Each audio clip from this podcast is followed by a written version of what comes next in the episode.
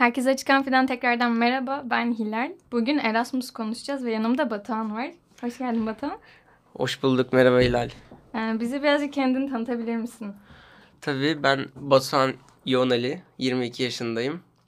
Normalde mezun olmam gerekiyordu. Erasmus yüzünden biraz uzadı ama iyi oldu. iyi ki uzamış. Ondan da bahsedeceğim neden uzadığından dolayı. Bize açıklayabilir misin öncelikle Erasmus programı nedir?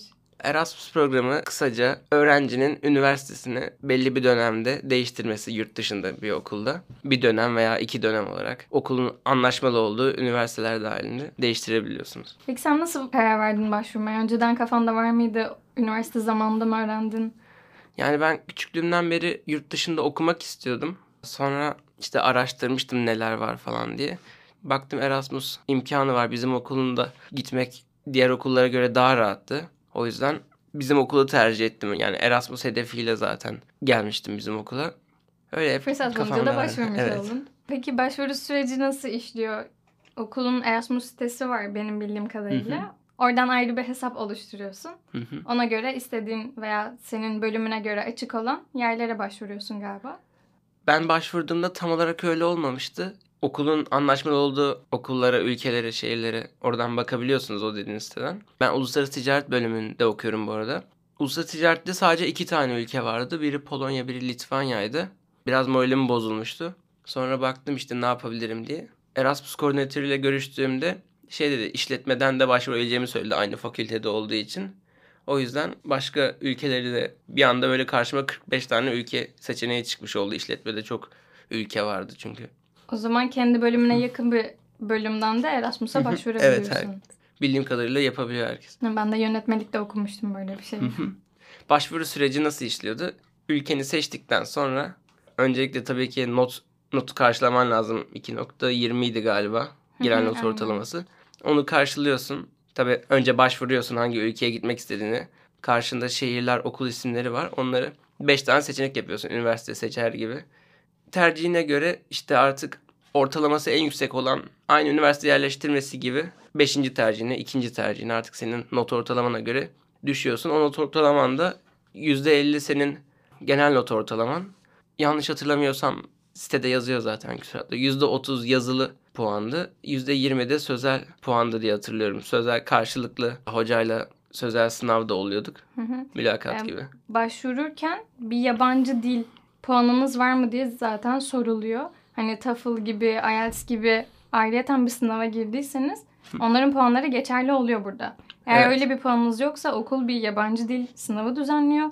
Bu sınav hem yazılı hem de speaking yani yüz yüze sınav oluyor. Senin dediğin gibi onun da bir oranları var galiba. %50 bu sınavın not ortalaması 150'de GANO alınarak bir puan oluyor. Sonra bir liste yapılıyor. En üstteki işte o senenin kontenjanı kaç kişi ise onlara da hibe veriliyor. Evet. Peki hibe almadan gidilebiliyor mu? Evet gidilebiliyor. Benim bölümümde hibe alabilecek fakültemde 13 kişi vardı. Ben 15. olmuştum. Sözelde en yüksek ben almıştım ama şey e, pardon yazılıda en yüksek ben almıştım ama sözelde hoca düşük vermeyi gördü. Anlamadım. Biraz hak ettiğimi düşünmüyordum. Evet. Orada. Düşük notu hak ettiğimi düşünmüyordum ama öyle gördü hoca. O yüzden hibe alamadım böyle dünyanın sonuymuş gibi hissine kapılmıştım ama sonra baktım hibe alınmadan da gidilebiliyormuş araştırdığımda öğrendim. Hibe almadan eğer durumunuz el veriyorsa gidebilirsiniz. Yani verilen hibe yetiyor mu diye sana sormak istiyordum ama Hı. böyle bir Yok, tam ben hibenin miktarını biliyorum ya zaten yetip yetmeyeceğini Sence yeter miydi peki? Şimdi hibe zaten imkansız hibe ile sıfır para yani Türkiye'den ailenden veya kendi birikiminden para almadan yapmak imkansız. Çünkü hibe ülkeden ülkeye değişiyor. Birinci sınıf ülkeler, ikinci sınıf ülkeler, üçüncü sınıf ülkeler diye. Şimdi ikinci sınıf ülkeler, ya ben Macaristan'a gittim bu arada, Budapeşte'ye. İkinci sınıf ülke sınıfındalar. Onu 300'dü ben başvurdum ama 400'e veya 450'ye çıkarlar onu.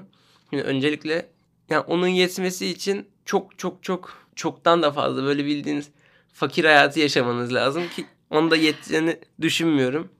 Yani ekstra bir destek. Çünkü şöyle söyleyeyim direkt ortalama harcaman 550 euro ile 650 euro arası değişiyor. Hibe 450 euro 400 euro bir şey. Yetmiyor yani. Konaklamanızı karşılıyor en azından konaklamanızı karşılıyor. Konaklamada zaten bütçenin yarısını kapsıyor genelde. Evet onu soracaktım. Bunu gittiğiniz okul mu ayarlıyor? Bir yurt mu ayarladılar size? Ve bundan ne kadar ücret alıyor? Yarısı dedin. Ona da değineyim. Bazı okullar okulun anlaşmalı olduğu yurtlar oluyor. Benim okulumun da vardı ama çok baktım fotoğraflarına bayağı eskiydi ben. O yüzden hiç bulaşmadım. Eğer okulunuza danışmanıza konuşursanız onlar da ayarlayabiliyor size yurt. Ben istemedim. Kendim baktım.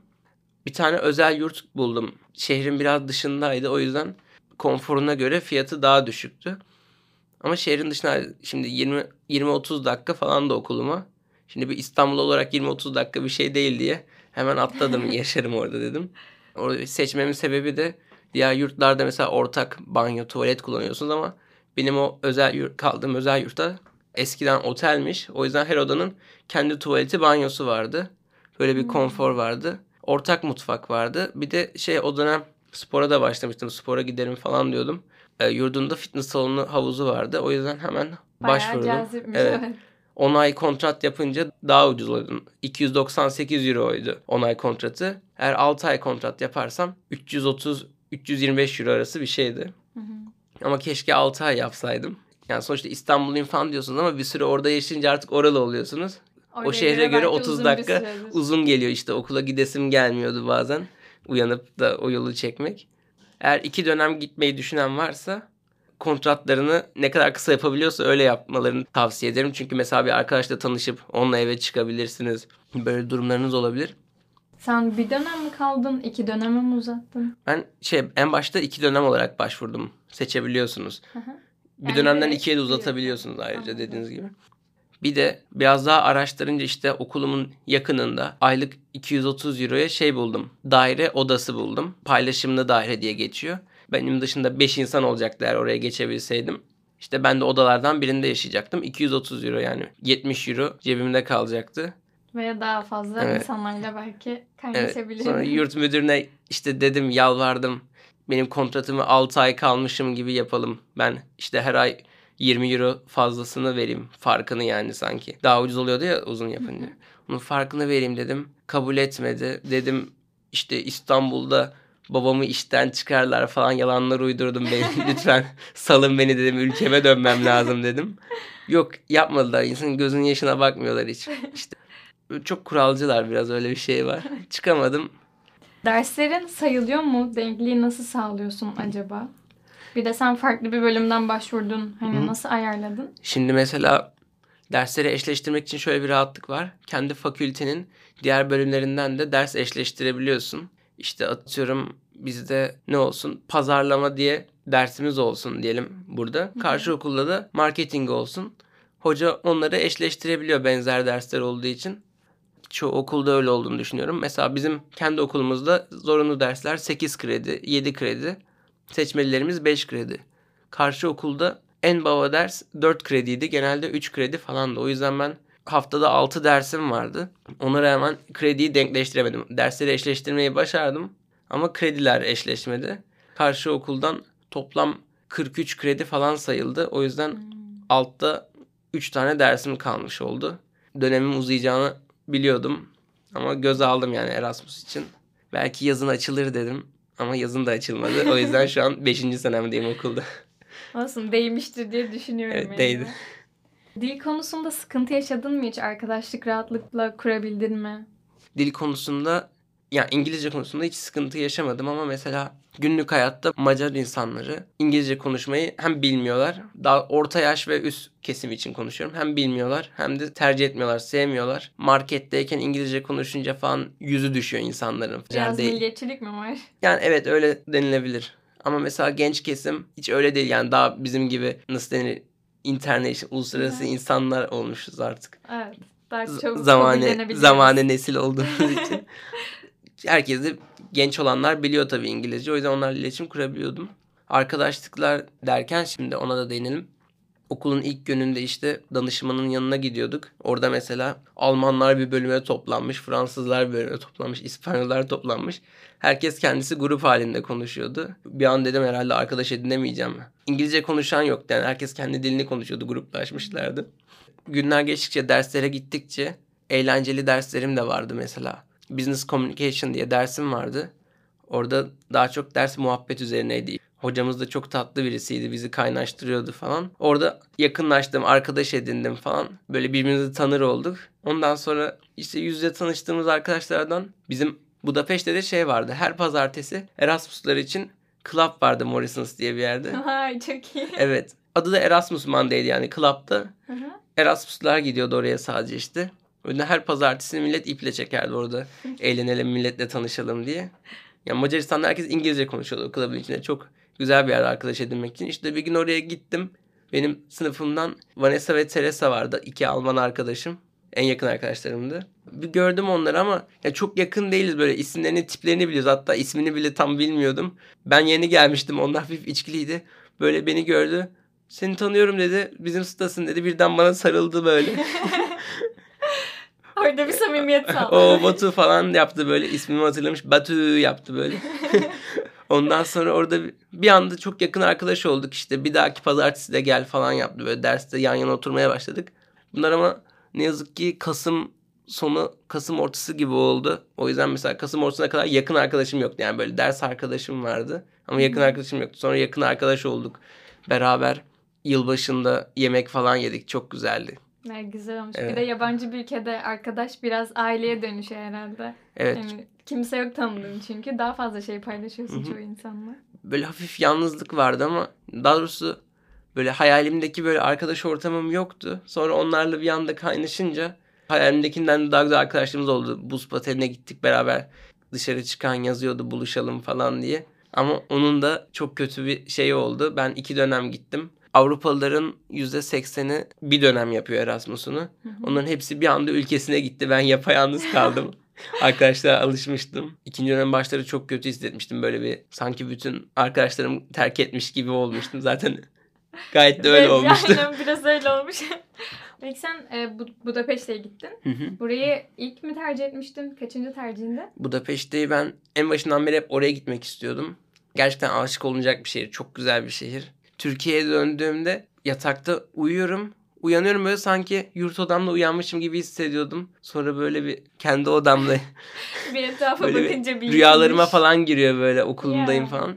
Ya çok güzel bir şehirdi. Orayı tercih etmeyi istememin başta sebeplerinden biri. Kuzenim oraya gitmişti. Ondan bayağı storylerinden görmüştüm. Ondan görünce ben kendim bayağı araştırdım böyle. Başvuru yaptıktan 5-6 ay sonra gittim. Çünkü Şubat'ta yapmıştık başvuruyu. Ben Ağustos'ta gittim. Şubat'tan Ağustos'a kadar her hafta böyle vlog izliyordum. Budapeşte vlogu, Budapeşte'de ne yapılır, Budapeşte'de Erasmus hayatı böyle. Birkaç ay geçiyordu işte yeni bir insan vlog çekiyordu. Hemen onun vloglarını izliyordum. Artık gitmeden şehri biliyor gibiydim. Hakim olmuşsun. Evet oraya. bir de Budapeşte'nin en güzel yanlarından bir tanesi ki bu herkesin işine gelecektir dinleyenlerin.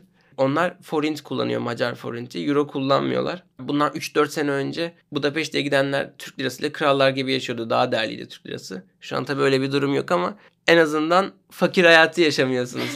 yani mesela atıyorum bir Almanya'ya göre daha ucuz. O zaman ekonomik olarak daha tercih edilebilesi bir yer. Evet çok daha rahat diğer ülkelere göre Macaristan. Sen Budapeşte'deyken farklı ülkelere geçtin mi veya şehirlere? Nereleri gezdin? Ee, 7 veya 8 ülke gezdim. Bayağı gezmişsin. Daha fazla gezerdim. Gezdiklerimin çoğu ucuza gezdim. Onları da açıklayayım. Şimdi Budapeşte'ye çok yakın Viyana var, Avusturya. Oraya trenle gidilebiliyor. İlk oraya gittim. Komşu ülke çünkü. Viyana da gerçekten çok güzel bir yerde. 2-3 gün kaldım orada da.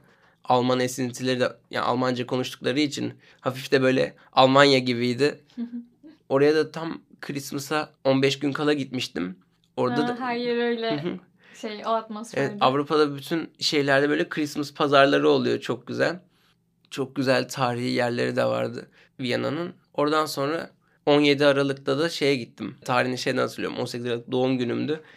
Köln'e gittim Almanya'ya. Hep Almanya'yı da görmek istiyordum. Köln'e gitmemin sebebi yani niye Berlin'e değil de Köln'e gittim. İstanbul'a şans eseri tanıştığım bir Alman arkadaşım vardı. Hep diyordu Köln'e gel falan diye. Köln'e gittim. O gün de çok sancılıydı çünkü normalde ben Erasmus'a başvurduğumda euro 9,5-10 euroydu. İşte ona göre hesaplıyordum. Pardon 10 TL'ydi. ona göre hesaplıyordum. Ekim, Kasım gibi 14 TL falan da euro. Sonra 17 Aralık'ta hatırlarsınız bir anda euro 20'ye 21'e fırlamıştı. Evet, Sonra tekrar ertesi gün zamanlar. 18 TL'ye düşmüştü. Orada bir işte Ben zaten forint kullanıyordum. Euro kullanmıyordum. Gittim Almanya'ya 21 TL su alsam Korkunç bir gün. baya kötü hissediyordum ama orada da işte o Alman arkadaşımla Türkiye'deyken zamanında çok şey ısmarlamıştım. o da işte şimdi sen beni İstanbul'da yaşattın Ya. sıra bende diye. O arkadaşım da şey her şeyimi ödedi. Hatta beni havalimanından kuzeniyle aldılar beni. Oradan yemek yedik. Doğum günüm için bir tane bara oturduk. Ondan sonra şey benim de kız arkadaşım var bu arada. O da yanıma gelmek istiyordu. Geldi de zaten. Ocak ayı için kendimize bir sürü bilet aldık. Ya bir sürü dediğim 2-3 tane aldık. Bir tane Paris bileti almıştık. Ta Ekim'de aldığımız için Budapeşte'den Paris'e 12 euroya uçmuştuk kişi başı. Bayağı ucuzdu. O zamanlar Türk lirasına göre 140 liraya falan gelmişti. Paris'ten Amsterdam'a otobüsler kalkıyormuş. İşte Hmm, oraya da güzel. 35 euro verdik. İşte zaten hayatımızda bir kere olacak şeylerden bir tanesi. 35 Aynen. euro verelim ne olacak dedik. Verdik. Oradan işte Paris'e gittik. Gezdik. Paris de çok güzeldi. İki gün kaldık. Sonra otobüsle Amsterdam'a geçtik. Amsterdam biraz sancılıydı. Hollanda bayağı soğuk bir ülkeydi. Ben o gün çok kötü hasta oldum. Bayağı hastaydım böyle çok gezemedim. Gezdim yine de zevk almadan geldim. Böyle boğazım hayatımda hiç olmadığı kadar enfeksiyon kapmıştı. Böyle bildiğin bembeyazdı boğazım en son Budapeşte'ye döndüğümde. Paris'e döndük. Amsterdam'dan gece gece 12'de vardık. Ertesi günün akşamındaydı uçağımız. Şey planlıyorduk. Bir yerde sabahlarız. Ondan sonra hafif dolaşır. Havalimanına gider artık. 4-5 saat oturur. bi- Bineriz uçağımıza diyorduk. Yani işte geldik. Hiç açık bir yer yok. Saat en fazla 4'e kadar açık bir yer vardı. Sonra otel baktık. Otel de yoktu tabii o saatte. Sonra işte sokaktayız falan kız arkadaşımla. Tabii yüklü yüklü de çantalarımız var. Hem Amsterdam'dan alışveriş yapmışız hem Paris'ten alışveriş yapmışız. Çantalarımız ağır, sırtımız ağrıyor, poşetler var. Hastasın. Sokaktayız. Hastayım gece bir. Sonra gece iki gibi zaten evsiz insanlar da geçiyor yanımızdan. Sonra gece 2-3 gibi gidenler bilir. Bir anda böyle fare istilası başladı. Lağım faresi ama kedi büyüklüğündeler böyle kocaman kocaman fareler. Böyle 100 tane fare nehir gibi önümüzden geçiyor böyle.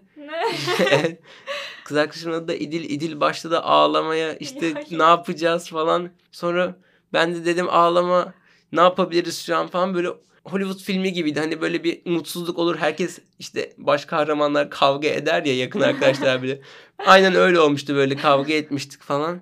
Ha bir de havalimanında gidecektik. Havalimanı da sabah 7'de açılıyordu. O yüzden her türlü gece dışarıdayız yani. Hmm. İşte Burada evet hep geceleri açık hani orada sabahlama çok oluyor ama Şehirden şehre değişiyor. Paris'te çok sabahlamasınlar diye sabah 6'da açıyorlar işte dolmasın havalimanı diye. bayağı maceralı geçmiş. Evet 4'e kadar açık olan bar gibi yerde oturduk artık. 6.30'dan akşam 9'a kadar havalimanında. Öğlen 1'e kadar koltuklarda uyuduk. Sonra işte ben de hastaydım daha da kötü olmuştum. Şey beni bavul arabasında taşımıştı İdil. Tabii Barışmıştık tabii. İşte akşam 9'da bindik uçağımıza. Sonra Budapeşte'ye vardık. Budapeşte'de de artık yani bildiğin yutkunamıyordum böyle su bile içemiyordum. Hemen hastaneye gittik. Direkt indiğimiz anda akşam 12'de falan inmiştik. Hastanede kapkaranlık yani bizde böyle hastaneler 7-24 açık olur ya. Bir de konu açılmışken orada bir sağlık sigortası yaptırıyor musun? Nasıl işliyordu? Hı, evet şey Erasmus'a gitmeden önce tabii ki gideceğin süre zarfı boyunca sağlık sigortası yaptırman gerekiyor. Ama bu arada nöbetçi hastane dediğim orada hiç ücret almadılar benden. Hmm. Sağlık sigortası da 900 TL vermiştim geçen senenin yazında. Şimdi kaç liradır bilmiyorum. Bir yıllık sigortaydı o da. Vermek istediğin farklı tavsiyeler var mı Erasmus konusunda? Verebileceğim en büyük tavsiyeden bir tanesi Budapeşte'yi yazmaları gerçekten çok güzel bir şehirdi. Başka ha, mesela şey tavsiyesi verebilirim. Konuşmaktan çekinmeyin çünkü kimsenin ana dili İngilizce değil hatta ana dili İngilizce olan arkadaşım vardı. İngiliz yani. Hı hı. Matthew. Mesela onun aksanını anlayamayacağım ve beni yadırgayacak diye çok korkuyordum veya o beni anlayamayacak diye. İşte konuşa konuşa onu da futbolu çok seviyordu. Ben de futbol ilgim var baya. İşte yurtta maç izlerken falan bayağı onunla muhabbet ediyorduk. Bir, çok yakın arkadaş olmuştuk. Eğleniyorduk yani bildiğin onunla şey yenmiştim yani artık İngiliz adam da beni bir şey demiyorsa böyle herkesle konuşurum yani diye düşünüyordum. Yani o yüzden konuşmaktan çekinmeyin. Tabii ki hata yapabilirsiniz. Ben de yapmışımdır yani illaki. Club ortamında bir de millet içki içiyor. Hiçbir şey anlaşılmıyor kimin dediğini. Böyle gesture'larla falan anlaşıyorsun böyle el hareketleriyle. Ama İngilizcem en çok İngiliz arkadaşımdan ziyade Hintlilerin aksanları çok garip ve Zor kötü. anlaşılması. Hintli arkadaşım var böyle zaten yurda ilk geldim daha ilk günlerim bir tane Hintli biriyle tanışmıştım. Kız diyor üç kere tekrarlatıyorum yani o kadar garip konuşuyor ki. Sonra artık Hintleri de anlamaya başlayınca dedim tamam benim artık kulak aşinalığım var. Ben herkesle iletişim kurabilirim. Erasmus için verdiğin bilgiler için çok teşekkür ederiz. Anılarını da çok zevkle dinledim gerçekten. Sana bir de son olarak şey sormak istiyorum. Genel olarak öğrenci hayatında keşke yapsaydım dediğin veya iyi ki yapmışım dediğin şeyler var mı? Keşke yapsaydım dediğim e, şey hibeyi almış olmayı çok dilerdim. Keşke alabilseydim. Ama hibesiz de idare ettim ama çok şükür durumumuz yerinde. İyi ki yapmışım dedim. Tabii ki en başında Erasmus var. Eğer Erasmus yapma hayaliniz varsa bölümünüzün Erasmus anlaşmalı olduğu okulları araştırmanızı öneririm. Bizim okulumuzda gayet rahat yani isteyen gidebiliyor gerçekten. Ee, senden şarkı önerisi istedim ama Yani bir şarkı var ve ismini hatırlayamıyorum. Evet şarkının neden ismini hatırlayamadığımı söyleyeyim. Ee, yani- hatırladığı gibi ben yine listeye ekleyeceğim. Tamam, Senden şimdi anı olsun çünkü. Anlatayım şarkıyı. Neden bu şarkıyı önereceğimi. Yani şarkı güzel diye önermiyorum. İşte Alman arkadaşlarımla yılbaşında bayağı içmiştik ama nasıl içmiştik öyle söyleyeyim. Biz her pazartesi club var demiştim Erasmus Monday. Ee, orada bir tane şarkı çalıyordu böyle dırır dırır diye. Ondan sonra Evet. Hepimiz biliyoruz bu şarkıyı ama adını şu an bulamadık. adını yayından önce kayıttan önce bayağı bulmaya çalıştık. YouTube'a dırır dırır yazdık ama tabii ki bulamadık. Böyle sokağa çıkmışız 5-6 kişiyiz. Böyle terasta başladı dırır dırır diye Budapest sokaklarında. Böyle bir anda hepimiz başladık böyle dırır dırır diye söylüyoruz. Ama bağırıyoruz yani bunu da zaten ertesi gün video atmışlar. Oradan gördüm böyle bir şey yaptığımızı. Yani hayal meyal hatırlıyorum. Her şey böyle klip klip ilerliyordu beynimde. Çünkü böyle ışınlanıyor gibiydim. Çok hızlı geçiyordu zaman. Çok teşekkür ederim. Benim sorularım burada bitti. Umarım senden de birileri ilham alıp böyle kendileri de keyifli anlar yaşarlar. Evet, Budapeşte'ye gitmek isteyenler de bana ulaşabilir. İşte, Senin Instagram'ında o zaman açıklamaya bırakırız. evet Batuhan Yoğun Ali. Tamam ben yine yazmış olurum zaten. Tamam. Ee, o zaman gelecek bölümlerde görüşmek üzere. Kendinize iyi bakın. Erasmus'a gitmeye çalışın. Ee, bay bayın.